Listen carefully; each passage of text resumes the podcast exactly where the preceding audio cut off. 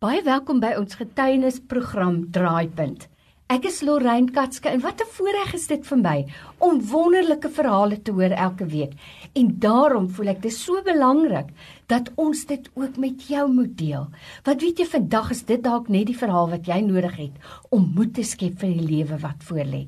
Onthou as jy getuienis het en moenie dink jou getuienis is onbelangrik nie.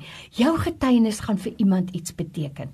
Dan SMS jy net vir my die woord draaipunt na 32716. Dit kos R1 of jy kan 'n WhatsApp stuur na 084 66 14104 en dan deel ons ook jou getuienis met ons luisteraars. By my in die ateljee sit regtig 'n pragtige jong vrou. Sy lyk soos 'n model. En jy weet as 'n mens so na haar kyk, dan sal jy dink daar gebeur net goeie dinge met haar. Maar as jy haar verhaal hoor, sal jy eintlik skrik om te weet dat haar lewe ook 'n diep en 'n donker draai gaan maak het. Jackie Samson sit hier by my. Baie dankie dat jy ingekom het, hoor. Baie dankie om hier te hê. My naam is Jacqueline Simpson. Ek is van die Noord-Kaap, Victoria Wes. Ek is 26 en die oudste van my ma gewees. Ek het by my ouma groot geraak, so uh, ek is 'n meer sterker band wat ek met my ma het. Goed en en nou Jackie, kom ons by jou getuienis. Daar het 'n vreeslike ding met jou gebeur. Wat het aanloop gegee daartoe? Vertel ons die hele storie. Ek weet regtig, ek dink um ek kan nie eens die um dat dat het gebeur die Easter weekend 2015 en ek kan nie so onthou wat ek die Vrydag aangedoen met wie was ek en die laaste ding wat ek kan onthou is dat ek en my ouma ek en my ouma het gestryf en sy het my gesê um ek mag nie uitgaan nie want ek is dan nog klaar dronk. Hoekom gaan ek nog uit? En van tyd tot af kon ek nie ek kan niks onthou wat hy aangebeur het die, die saterdag aand ja ek weet nie waar die oukiese ek dink al is meer as een waar hulle my gekry het en vertel as my gedoen nie. Al wat ek onthou is dat ek het daar gelê het verskeer ek was naak ek was sikkend geweest en Easter weekend as 'n mens die Noordkapers kan onthou dat Easter weekend dat die reën mos baie verskriklik reën het veral in die Noordkap en, en ek het myself in 'n sloten bevind en die laaste ding wat ek vir die eenoukie gesê het is vat my alles maar moenie vir my dood maak en ek dink dat dit nie vir hom gestop om te doen wat hulle gedoen het en dis die enigste ding wat ek kan nog onthou wat ek vir hulle gesê het. En terwyl ek daar geleer het het ek maar vir hulle gehoor verskree my gesig was in die waters ek in daardie um daardie oggendure kan 'n mens as 'n mens in die sloot naak lê dan kan jy mos maar doodgaan van as koud jy het niks kledingstukke in jou in die en ek het daar gelê en ek dink die Here het sy engele het die opdrag gestuur.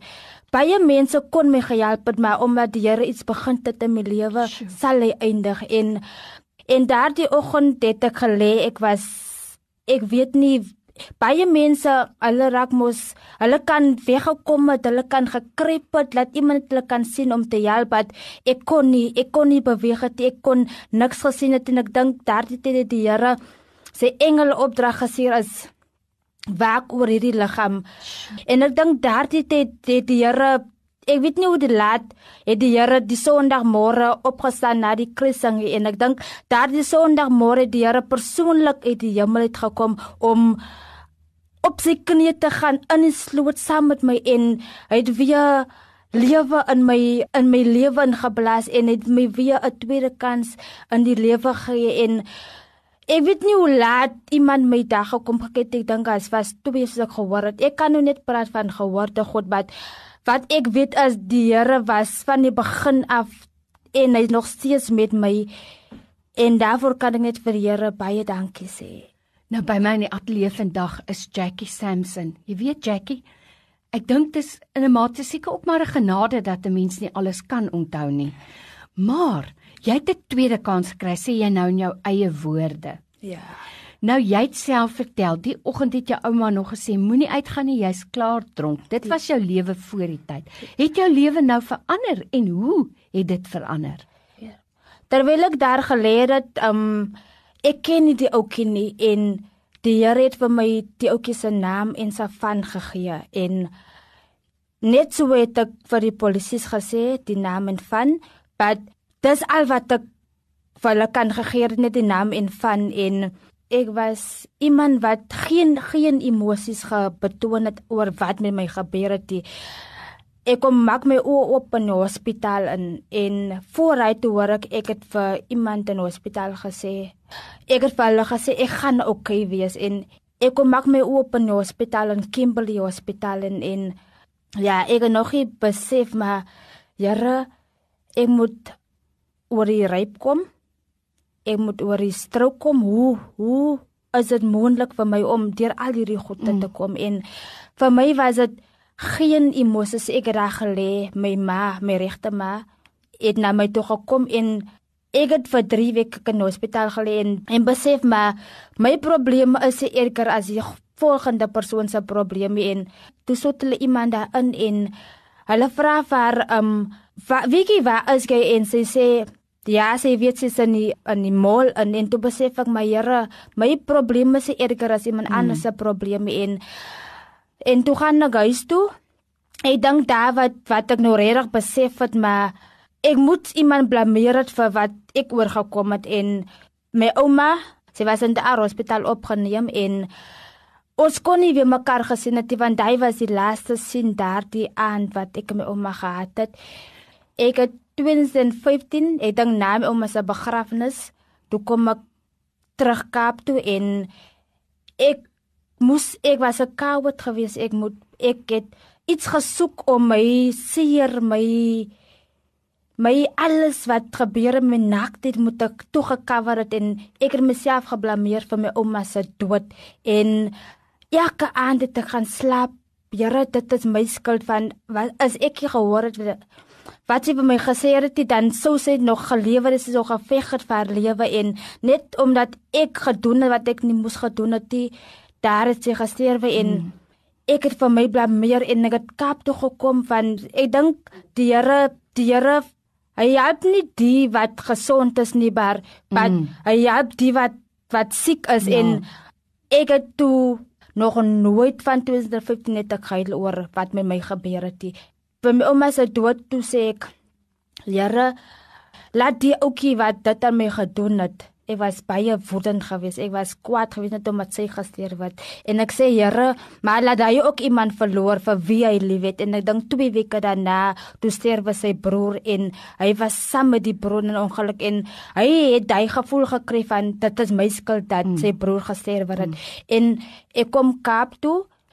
My ouma kom in 'n droom en by my en sy sê vir my Jackie, die is nie jou skuld nie en van daai af tot van daardie dag af het ek begin vrede maak, maar dit is regtig my skuld. Mm. My ma, my ouma is op 'n plek waar sy moet wees mm. en ek dank die Here dat sy haar bekeer het voor sy gesterf het en ek het so soos ek aangaan met my lewe so begin te kok begin die oudjies vergewe. Mm. Ek vir my is dit ek soek nie meer wraak nie. In 2016 het ek um daar was 'n oop lig by die by die sportgrond en ek het so 'n pyn agter my rug gehad en en nou toe gaan ek vorentoe en ek vra vir van vir voorbidding dat hulle my moet bid dat die pyn kan weggaan en na hulle my gebid het vir die man vir my um wil ek vir my bekeer en ek dink daai dag was die wonderlikste wonderlikste besluit wat ek mm. ooit in my lewe kon geneem want ek dink niemand het vir my gesê jy moet jou bekeer want as ek my bekeer het omdat mense so gesê het dan sou ek dit gedoen het om hulle tevrede te stel en van daai dag af sal ek nooit weer terugkeer na die persoon wat ek gewees het. En ek dink na daardie dag het die Here net goeie goed in my lewe gedoen. Hy het hy het vir my die krag gegee elke aand wanneer ek my Bybel lees het hy my gevoed het my sterk gemaak om oor hierdie ding te kom en ek was nog nooit in my lewe het ek um vergaan vir 'n berading. Ek dink hy was die enigste mens wat my geberaad het. Ek kon ek het eendag het ek na 'n kans gekry om counselling toe te gaan en toe ek by die vrou kom toe sê ek vir I'm fine die Here het my deur gedra en met hom en mense sê is daar is daar geen aan jy jy kan nie anders as om vir hom in jou lewe te hê en ja, dit maak nie saak die seer wat jy gekry het, die Here, hy kan jou herstel, die Here, hy kan vir jou weer um, 'n um, nuwe mens maak. Ek dink as 'n mens net op kan staan dis 'n pure genade en daarvoor kan 'n mens dankie sê en vandag staan sit ek hier as 'n ware getuie dat die Here hy lewe die Here hy, hy kan deurkom vir jou die Here Hy is die enigste oplossing vir jou probleme. Dis Jackie Sampson vandag by my in die ateljee. Jackie, ten slotte net, wil jy nie 'n kort gebed doen vir iemand wat vandag sit waar jy was nie? Vol bitterheid, vol woede, seergemaak, gebreek, stikkend soos wat jy was. Wil jy nie 'n gebed doen nie? Ons hemelse dierbare gemeester, Here kom sê vanmiddag hier Here vir U dankie my koning Here. Here dankie Here dat U met Here onbekende dag bewaar en beskerm. Maar Here dankie dat U Here, Here die Vader is dat U die trooster is my koning Here. Here kom bid Here vir daardie siele my koning Here wat daar sit Here en voel Here maar ek het niks om voor te lewe nie Here. Here kom bid Here dat U hulle sal kom aanraak my koning Here. Here dat hulle weet dat hulle weet my koning Here dat hulle kan herstel my koning Here. Dit maak nie saak hulle omstandighede nie Here. Here as hulle weet my koning Here, u lewe my koning Here. Here sal hulle deurkom. Dit sal nie nou gebeur nie, maar op tyd Here. As hulle net hulle fokus Here op u sit Here, dan sal hulle genees en ek dink baie mense voel hulle sal daar sien my hoop val nie, maar dit wat ek van vanmiddag vir hulle kan sê is dat die Here, solank die Here nog lewe Here, is daar hoop vir jou Amen. en die Here hy sal hy sal en hy kan jou herstel. Here kom bid Here kom genees Here elke siekte Here. Here elke seer plek Here wat seer is in die mense se harte my koning Here. Here kom bid Here dat U hulle sal kan genees my koning Here. Ek kom bid Here nou kom vir alles om nie verdien nie maar in Jesus wonderbaarlike naam met baie danksegging. Amen.